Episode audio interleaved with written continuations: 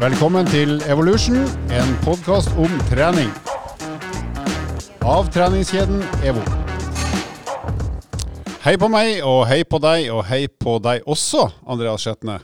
God dag. God mandagsmorgen, som det faktisk er når vi spiller inn podkasten her. Det er en mandag morgen, den er ikke god. Jo, den er faktisk god. Og hvorfor er den så god for en nordlending i byen, eh, Andreas Skjetne?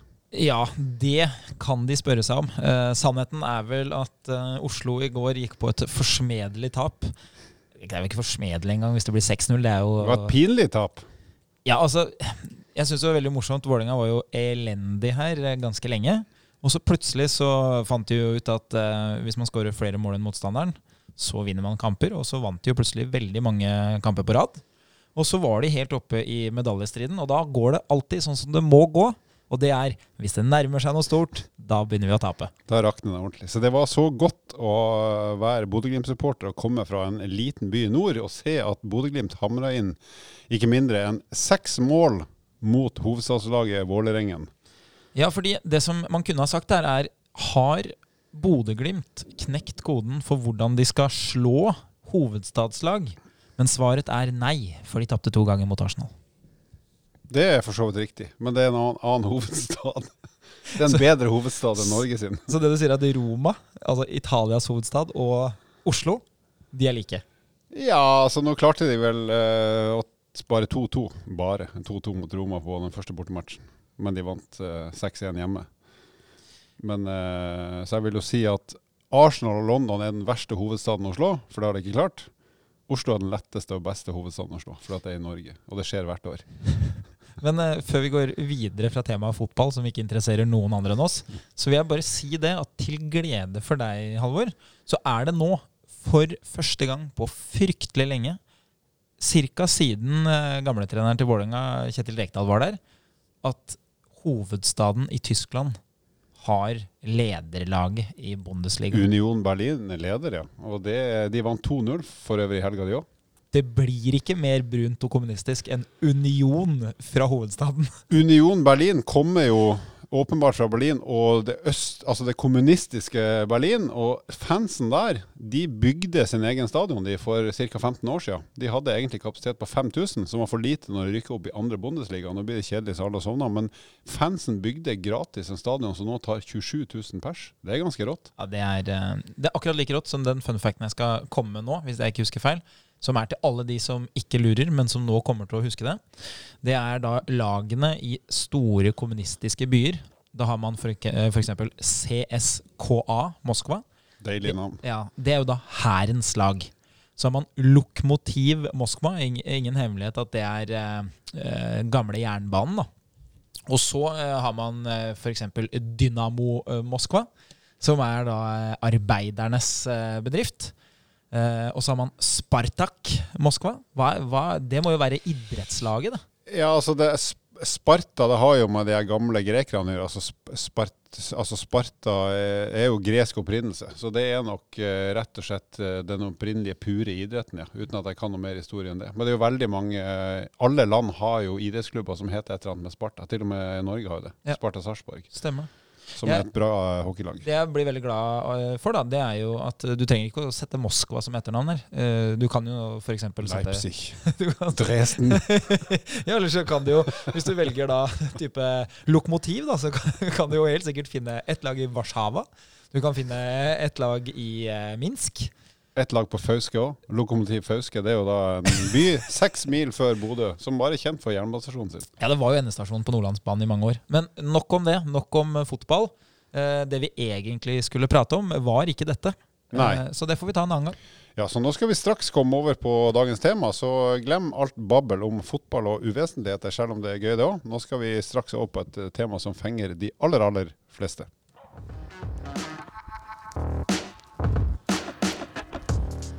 I dag skal vi snakke om forbrenningstrening, og med oss i vårt uh, klamme studio har vi fått en utmerket personlig trener som heter Dan Ask. Han er ikke bare PT, han har også en bachelor i idrett. Det vil si at han har studert idrett og faktisk ernæring i ganske mange år, så han kan en del om det her. Så velkommen til oss, Dan. Hei, hei, og tusen takk. Bare hyggelig, og det er godt å ha deg i studio, så du kan supplere både Andreas og meg. Uh, hvis vi skal begynne litt uh, rett på rett på juicen her. Eh, hvis målet er å ha mest mulig forbrenning i ei treningsøkt, Uh, uansett formnivå, hva tenker du Dan er smart å gjøre da? Hva slags type trening er i utgangspunktet et godt valg? Uh, hvis målet er mest mulig forbrenning i én treningsøkt, så tenker jeg at det er lurt å finne aktivitet du kan pådrive med relativt høy intensitet uh, over gjerne litt lengre tid. Um, eksempler på det kan jo være løping, det kan være roing uh, eller rask gange i motbakke. Bra tips. og Dette er jo ting som du driver med ganske ofte, Andreas. Ja, ja, ja, og det er jo ikke noe hemmelighet at uh, en av grunnene til at jeg driver med det, bortsett fra at jeg liker det, det er jo rett og slett at uh, høy forbrenning skaper jo også en mulighet for å ha et uh, ganske fritt kosthold. For å drikke mer?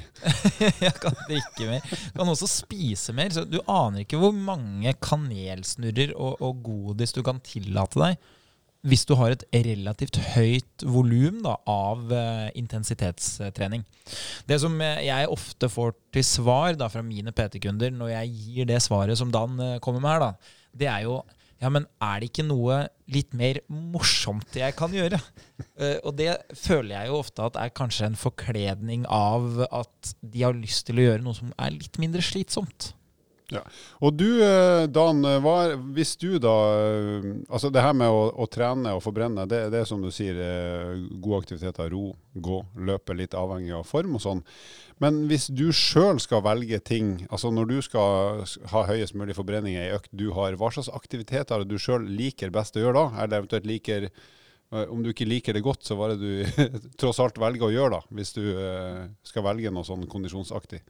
Ja, eh, jeg er jo litt redd for denne trenermølla, fordi jeg ikke er så veldig glad i å løpe.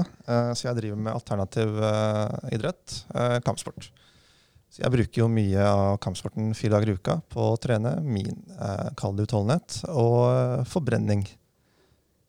Og da får du en bieffekt at du kan sparke og slå folk? I, ja.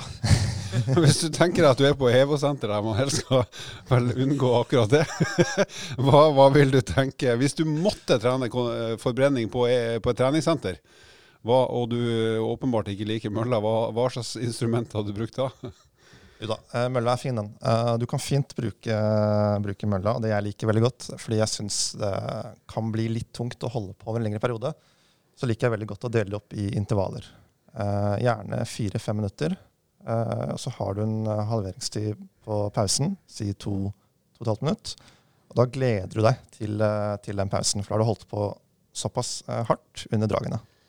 Og når du ut fra din form, og når du er på den mølla som du da ikke liker kjempegodt, men som du tross alt gjør, hvor hardt jobber du da, hvis du skal forklare det? Ikke nødvendigvis i kilometer i timen, men hvor tungt syns du det opplever du sjøl at du jobber? Under dragene så skal det være relativt uh, tungt. Du skal være andpusten. Uh, det skal være, ikke være særlig behagelig å prate. Men du kan svare med korte setninger. Da. Så har du en PT som spør deg om uh, litt forskjellig mens du løper, så kan du kunne svare ja eller nei. Men ikke holde fulle, lange setninger. Det høres ut som en god oppskrift. Hva, hvis du skulle indikert det på en annen måte, f.eks. i prosent av puls, Andreas, hva, hvor høyt oppe på pulsskalaen kommer vi da? I forhold til den beskrivelsen han, eh, Dan gir oss av opplevelse? Nei, vi, eh, Man har jo noen sånne ulike terskler. Altså, man, man snakker ofte om én terskel, som er liksom melkesyreterskel, eller anarob terskel, og den beskriver jo da eh, egentlig bare en grense for hvor kroppen begynner å krite, altså da bruke mer oksygen enn man klarer å få inn.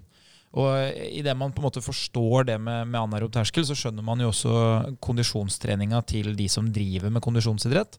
De ønsker jo da hele tida å flytte oppover kapasiteten sin, sånn at den terskelen blir høyest mulig så de kan holde høyest mulig fart. Så det man egentlig er på jakt etter i sånn type trening, er jo da nettopp det å ha en intensitet som er over terskel, eller på terskel, for da vil kroppen strekke seg etter å bli i bedre form.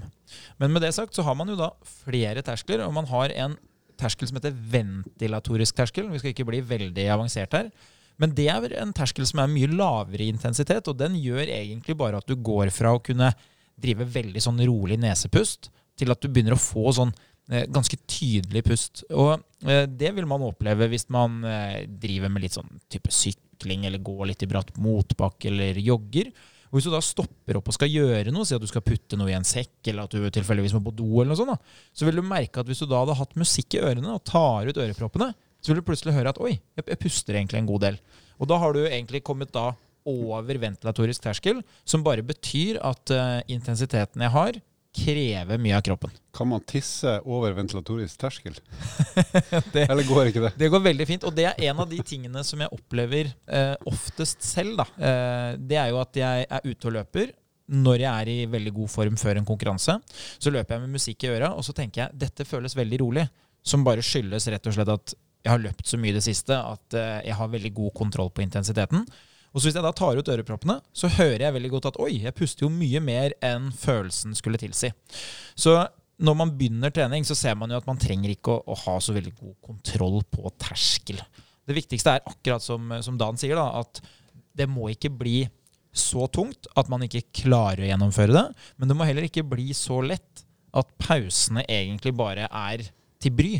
Eh, det skal jo være da akkurat som det blir beskrevet. Pausene skal jo være en opptur. Det skal på en måte være det som gjør at det er mulig å holde på lenge, istedenfor at man hadde da måtte gitt opp underveis. Ja, så når du er inne i det siste minuttet eller to av, av det intervallet, som er kanskje tre-fire-fem minutter, så skal du egentlig glede deg litt til at snart kan jeg få lov å slappe av litt før jeg skal kjøre på på nytt. Hvis vi skal prøve å være litt tydelige på hva er det som avgjør forbrenninga sånn generelt i trening, altså hva, hvilke faktorer er det som som vi kan målbart si at det og det vil føre til høy eller lav forbrenning? Ordet fritt, gutter. I all hovedsak så vil det jo ha mye å si med tanke på vekt, eh, hvor mye du veier. En person som veier mye, vil jo eh, forbrenne mer under aktivitet enn en person som veier mindre. Og så er det da intensiteten da, på denne eh, aktiviteten. Og Hvis vi skal eksemplifisere det, hvis vi sier at vi har én person på si 80 kg og den andre 100 og så sier vi at begge de to holder på på den tredemølla du elsker så høyt, Dan. Eh, hvis begge de to da går like fort, la oss si at de går i 5 km i timen, hvem, er, hvem, av de to er det da som kommer til å forbrenne mest? Er det den på 80 eller den på 100 kg? Han på 100 kg vil da forbrenne mest, for han veier mer. Ikke sant? Bærer da, mer masse. Ikke sant? Så den som er tyngst, bærer jo, må jo flytte på mer kropp, flere kilo. Så i samme fart som en som er lettere, så er det den tyngste som på en måte vinner forbrenningskampen. Og så kan man jo si at målet til den tunge kanskje er å bli lettere. Men da, da får du iallfall fall bedre betalt kalorimessig enn den som er lettere enn deg. Og der eh, stopper jo som regel logikken hos de fleste vanlige mennesker som ikke har brukt mye tid på, på treningsfaglig kunnskap.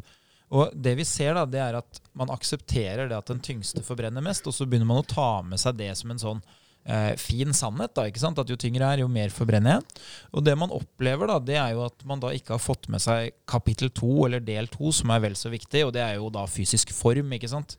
Hvor høy intensitet er jeg i stand til å holde? Og det man ofte ser, da, det er jo at motvekta til at tyngst forbrenner mest, det er jo ofte at lettest kan holde på lengst, eller ha høyest intensitet.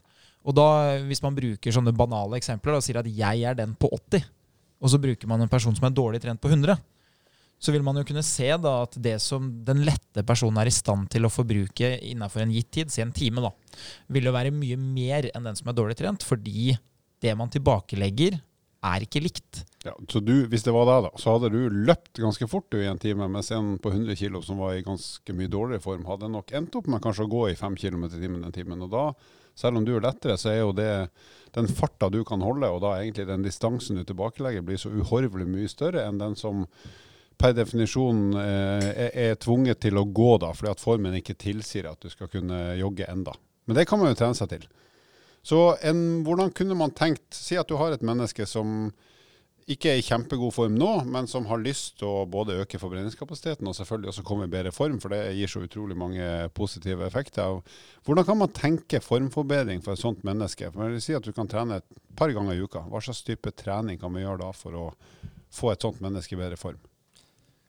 Eh, da tenker jeg begynne lett, slik at du klarer å faktisk fullføre øktene. Og for noen kan det være veldig tungt å begynne på hard løping.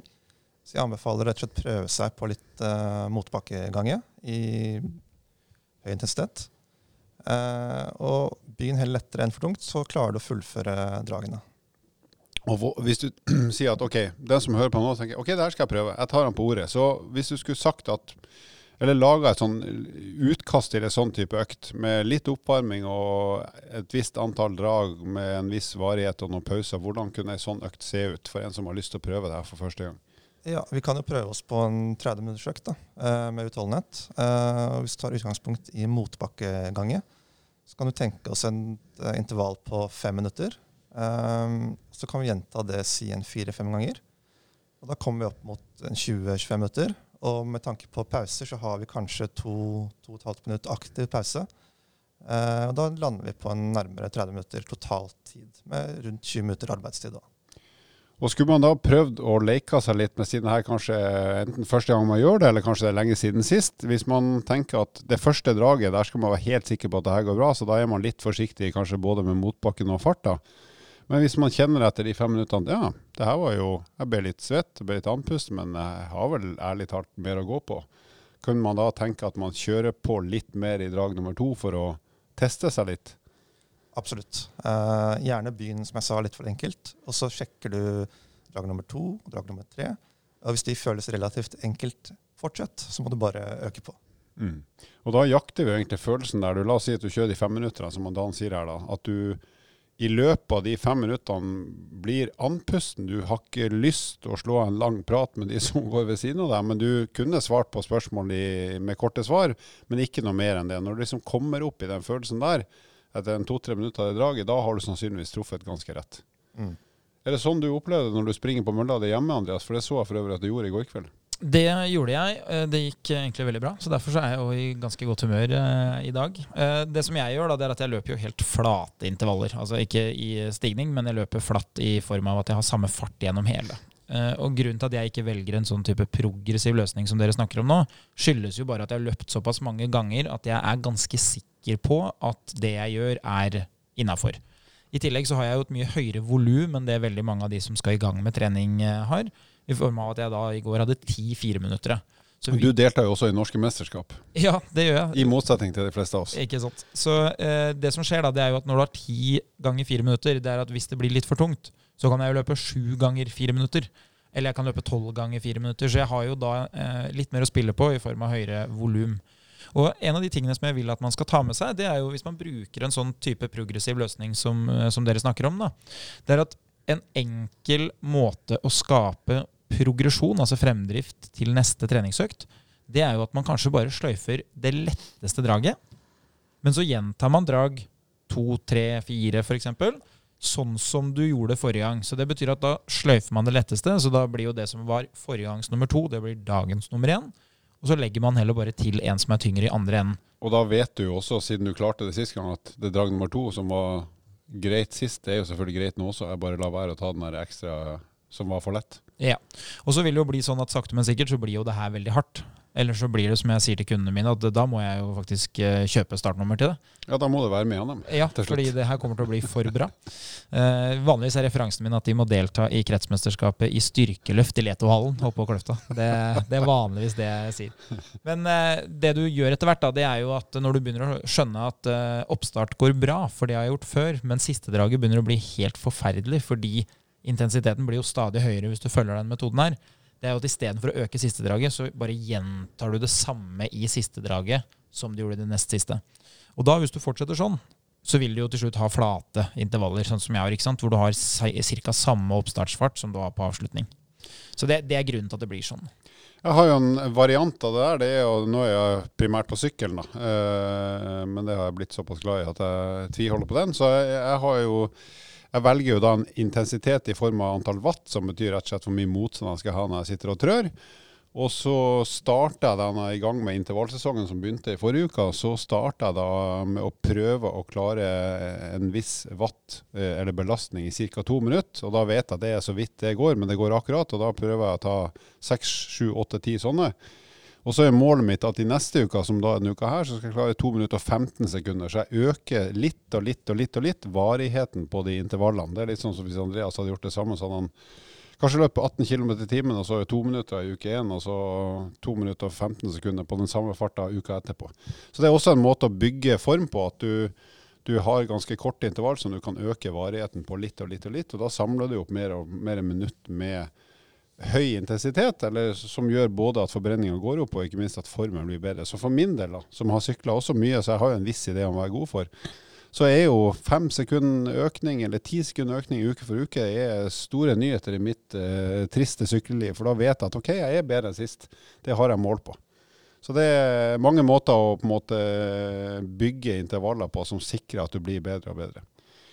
Så er det et spørsmål som vi får ganske ofte, og jeg får det både på forspill og nachspiel, men aldri på fest. Men det er det her med puls og forbrenning. Eh, veldig mange eh, tenker at ah, høy puls, kult, da har jeg høy forbrenning. Men er det sånn? Ja. Eh, det som er spesielt med puls, er jo at den er medfødt, ikke sant. Eh, heldigvis. Hadde du ikke hatt puls, så hadde du ikke mest sannsynlig klart deg veldig bra. Da hadde det, gått, det hadde blitt et kort liv. Nei, så det som er greia da, er at eh, du har det man ofte refererer til som makspuls, som er medfødt. Det betyr at uh, det er ikke trenbart å ha høy makspuls eller lav makspuls. Men det som derimot er meget trenbart, det er hvor lenge du kan holde på med høy puls. Så det vil du se en kjempeforskjell på. at Hvis du tar ut en person eh, fra gata da, som eh, har akkurat samme kroppsvekt og høyde som meg, men som ikke har løpt noen verdens ting, så vil jo vedkommende slite med å opprettholde høy puls lenge sammenligna med meg som da har øvd på det. Og det gjør jo at treningsavkastningen min når jeg trener, er jo høyere fordi at jeg får mer styrketrening på hjertet når jeg trener, fordi at jeg rett og slett er i stand til å styrketrene hjertet mer. Så puls i seg selv er jo et mål på intensitet. Så det skaper jo kontroll i det du gjør. Ja, og individuell intensitet. Så din, altså det er din, eh, ditt kontrollmål på din kropps eh, evne til å gjøre et eller annet, eh, eller belastning nå. Ja, så Hvis jeg skal lage et godt eksempel som kanskje flere kjenner seg igjen i da, så Jeg spilte jo mange år fotball på et, på et fotballag, greit nivå, og så bytta jeg over til sånn kompisgjeng. Så, Har du vunnet cupen? Eh, ja, men ikke den norske cupen. Jeg vinner Obos-cupen, som er eh, cupen for lag i lavere divisjoner. Er. Faktisk. Ja, på TV 2. Det var bra fest i garderoben da. Jeg tror, vi, jeg tror, det var bedre fest i garderoben vår enn det det var i Molde sin garderobe i går. Når de, ble, de måtte forresten dra rett på flyet. Men eh, det som er greia der, da, det er at de hadde jo kjøpt seg pulsklokker, ikke sant? og de skulle jo da sjekke. Og så var det en som da hadde hatt 210 i puls eh, under en eh, fotballtrening. Og så sier han det høyt i garderoben at fy fader, nå har jeg virkelig tatt inn 210. Og så er det en som sier å shit, det er jo knallbra. Og da tenker jeg knallbra å ha 210. Ja, hvis, du, hvis målet er å ha det verst mulig, og du har 215 i makspuls, så vil jeg si at 210 er, det er knallbra pressa av kroppen. Men hvis du da tilfeldigvis har en makspuls eh, medfødt som er 225, så er jo ikke 205 eller 210 noe særlig mer enn at uh, en som har 170 i makspuls, har 165 på en treningsøkt. Så Sånn sett så er målet av puls helt bortkasta hvis du ikke vet hvilken prosentandel av din makspuls den egentlig representerer. Og så er det sånn at Pulsen i seg sjøl forteller oss ikke noe om hvor mye vi forbrenner, men det kan fortelle oss om hvor hardt vi jobber, spesielt i kondisjonstreninga, ut fra egne forutsetninger. Så f.eks. hvis du er i ganske dårlig form, så skal det veldig lite til før pulsen blir høy. F.eks. bare det å gå ganske sakte kan føre til høy puls, rett og slett fordi at uh, hjertet ikke er i spesielt god form, og heller ikke kroppen. Så da kan du bli lurt og tenke at oi, nå har jeg høy puls, da har jeg høy forbrenning. Men det, det vil ikke stemme, fordi at du tross alt bare i gåsehudene går sakte.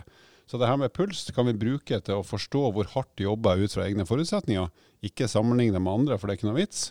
Eh, og ikke bruk det heller til å anslå forbrenninga di målt som eh, antall kalorier, men bruk det for å forstå hvor hardt jeg jobber nå i forhold til min reelle yteevne og maksimale yteevne. Så hvis uh, pulsklokka di skal kunne si deg hvor mange kalorier du har brukt, så er det helt avgjørende at pulsklokka di vet hva makspulsen din er. Så hvis du ikke vet makspulsen og bare setter inn et tall, så vil du enten få veldig høy forbrenning, veldig lav forbrenning eller riktig forbrenning, avhengig av om du har flaks eller ikke. Så eh, det fins andre eh, metoder for å avgjøre forbrenning enn å bruke puls uten å vite makspuls. Altså. Bruker du pulsklokke i treninga di? Du driver jo kampsport bl.a. Bruker du den da, eller er det uviktig? Den er veldig uviktig eh, under, eh, under, treninger, eh, for min del. Eh, og det er fordi at når jeg trener kampsport, så er ikke mitt mål å vite hvor jeg ligger på intensitet. Så pulsklokka er veldig fint til å bruke for å justere og måle intensiteten. Men for min del så er ikke det veldig relevant. Du har kanskje ikke så mye tid til å kikke på den klokka heller, hvis du skal forsvare deg mot uh, motstandere? Nei, og den kan heller bli blitt um, brukt mer som et våpen da, under, uh, under treningen. Så det skal vi heller eh, ikke Det skal vi unngå. Det er kanskje ikke lov heller. Nei. ikke smykker, ikke klokke. Bra. Vi skal prøve å avslutte her med å gi noen konkrete forslag på en 30-minuttersøkt der målet er mest mulig forbrenning. Nå har du allerede laga ei skisse på ei økt, Dan, men kan du lage et alternativ til som er en sånn røftlig en halvtimesøkt der um, der en, en eh, normalt trent person kan uh, forbrenne mest mulig ut fra egne forutsetninger. Hvis vi sier at mølla er brukt opp, er det noe annet vi kan gjøre da for å skape forbrenning og formforbedring? Ja, Man kan jo ty til alternative løsninger. La oss si du ikke har eh, verken tredemølle eller eh, sykkelapparat eller eh, ellipsemaskin. Eh, man kan jo finne seg kanskje fem øvelser, f.eks. Eh, air squats, eh, jumping jacks, Uh, så ta med litt kampsport her. Mm -hmm. uh, ta med, Si du finner deg to, øvelser til, kanskje hoppetau og en til. Prøv på det ett minutt per øvelse. kanskje fem minutter totalt. Og så kjører du det intervaller, da, hvor du har en pause mellom hvert, hvert, drag. Da gjør du altså hver øvelse ett minutt. da får du total arbeidstid på fem minutter. kjør en liten pause, og så gjentar du det fire-fem ganger. Og selv om det ikke her er ren kondistrening, så er det jo gode øvelser, for her bruker du jo basically hele kroppen hele mm. tida. Så det blir jo både litt styrke, litt spenst, litt kondis og ei god suppe med ganske fine ingredienser for å få trent hele kroppen. Mm. Det man ser, da, det er jo at uh, man er ofte sånn veldig spesifikk. Jo mindre man har trent, jo viktigere er det man skal gjøre, tenker man. Men egentlig er det jo motsatt. at uh, Hvis du ikke har trent noen verdens ting, så vil jo en sånn type treningsøkt vil jo forbedre kondisjonen drastisk. Så de som kanskje ikke bør ta til seg sånne type tips, det er jo de som allerede har eh, Si at du skal løpe løp, da, ikke sant? hvor du skal løpe en 10 km eller om det er halvmaraton. Og så har du allerede begynt å trene kanskje en to-tre ganger i uka. Da vil jo en sånn type treningsøkt kanskje ikke sørge for at du løper mer, men du blir jo garantert sterkere hvis du ikke trener styrke. Mens for alle andre så vil jo det å trene øvelser som fremprovoserer høyere puls, gjøre at du blir i bedre kondisjonsform. Uavhengig av om det er de alternativene vi ikke hadde, ikke sant? med sykkel og med ellipse. Eh, eller om det faktisk er da styrkeøvelser man benytter. Så det er, det er egentlig et kjempebra tips. Altså. Mm. Da skal jeg komme med mitt forslag, og det er da, siden vi har brukt opp mølla, det har vi gjort allerede, så da tenker jeg enten så bruker du romaskin eller ellipsemaskin, for det er skånsomt hvis du er tung. Så varmer du opp i ca. fem minutter, der du kjenner at på slutten så er du andpusten uten å egentlig være spesielt sliten. Får du slappe av i 30 sekunder. Og så skal du jobbe i 90 sekunder, ganske hardt, men eh, sånn at du fortsatt kan snakke med eh, hvem som helst i korte setninger. Og så får du 60 sekunder pause. Så 1 12 minutt på, 1 minutt av. I da totalt 25 minutter etter den oppvarminga. Da har du helt sikkert eh, gjort mer enn nok til å komme i bedre form enn det du var for en halvtime siden. Og ganske sikkert også skapt en ganske god forbrenning ut fra dine forutsetninger. Og det kule med de tinga her, det er jo at uh, enten det er sirkelen til Dan eller romaskin eller ellipsemaskin, så vil det jo si at neste gang så får jeg jo gjort enda litt mer. Kanskje jeg får flere hopp på hoppetauet. Kanskje jeg klarer å ro litt fortere, eh, de, komme litt lenger på romaskinen eller ellipsemaskinen på de 90 sekundene. Fordi at du rett og slett allerede etter ei økt sannsynligvis har ei lita forbedring. Uh, en av de tingene som jeg har erfart selv, da, og som jeg vil gi som tips, det er jo for å ha kontroll på intensiteten. Hvis du hører på podkast, når du trener rolig, så er det jo lett å følge med. Da er det jo ofte lett å få med seg. Mens hvis du skal løpe intervall, så bør egentlig intervallintensiteten være såpass høy at det å høre på noen som prater om fag, det, det, glipper litt. Det blir sånn at du detter litt ut og inn. Du får ikke helt med deg budskapet. Så jeg pleier å si sånn at uh, for at jeg skal ha kontroll på mølla, da, så kan sånn som i går, da, så så jeg jo litt på fotball. Og da, under oppvarming, under de første dragene, så, så er jo full kontroll. Da hører jeg jo hva kommentatorene sier og sånn. Men så når jeg begynner å komme til drag 6, 7 og 8, så, så, bare ramler jeg ut. Da følger jeg ikke med i det hele tatt. Så da har jeg ikke kontroll på noen, uh, noen ting. Da har du fullstendig ukontrollert. Ja, og da, da, vet jeg jo i hvert fall at intensiteten den er høy nok. Nå har jo jeg andre parametere jeg også bruker, som, uh, som puls og, og liksom at jeg har kontroll på farta fra tidligere. Men hvis jeg skulle ha gjort det her med en kunde hvor jeg bare hadde få parametere, så ville det kanskje vært et sånt godt signal at nå begynner vedkommende å slite med å få med seg hva jeg snakker om underveis i aktiviteten. Da er vi der vi skal være. Godt tips. Og med det relativt gode tips, Andreas, eh, så skal vi eh, si som fansen til Dynamo Dresden sier Auf Wiedersehen. Vil du vite mer om trening, abonner på podkasten og sjekk ut vårt treningsmagasin på evo.no.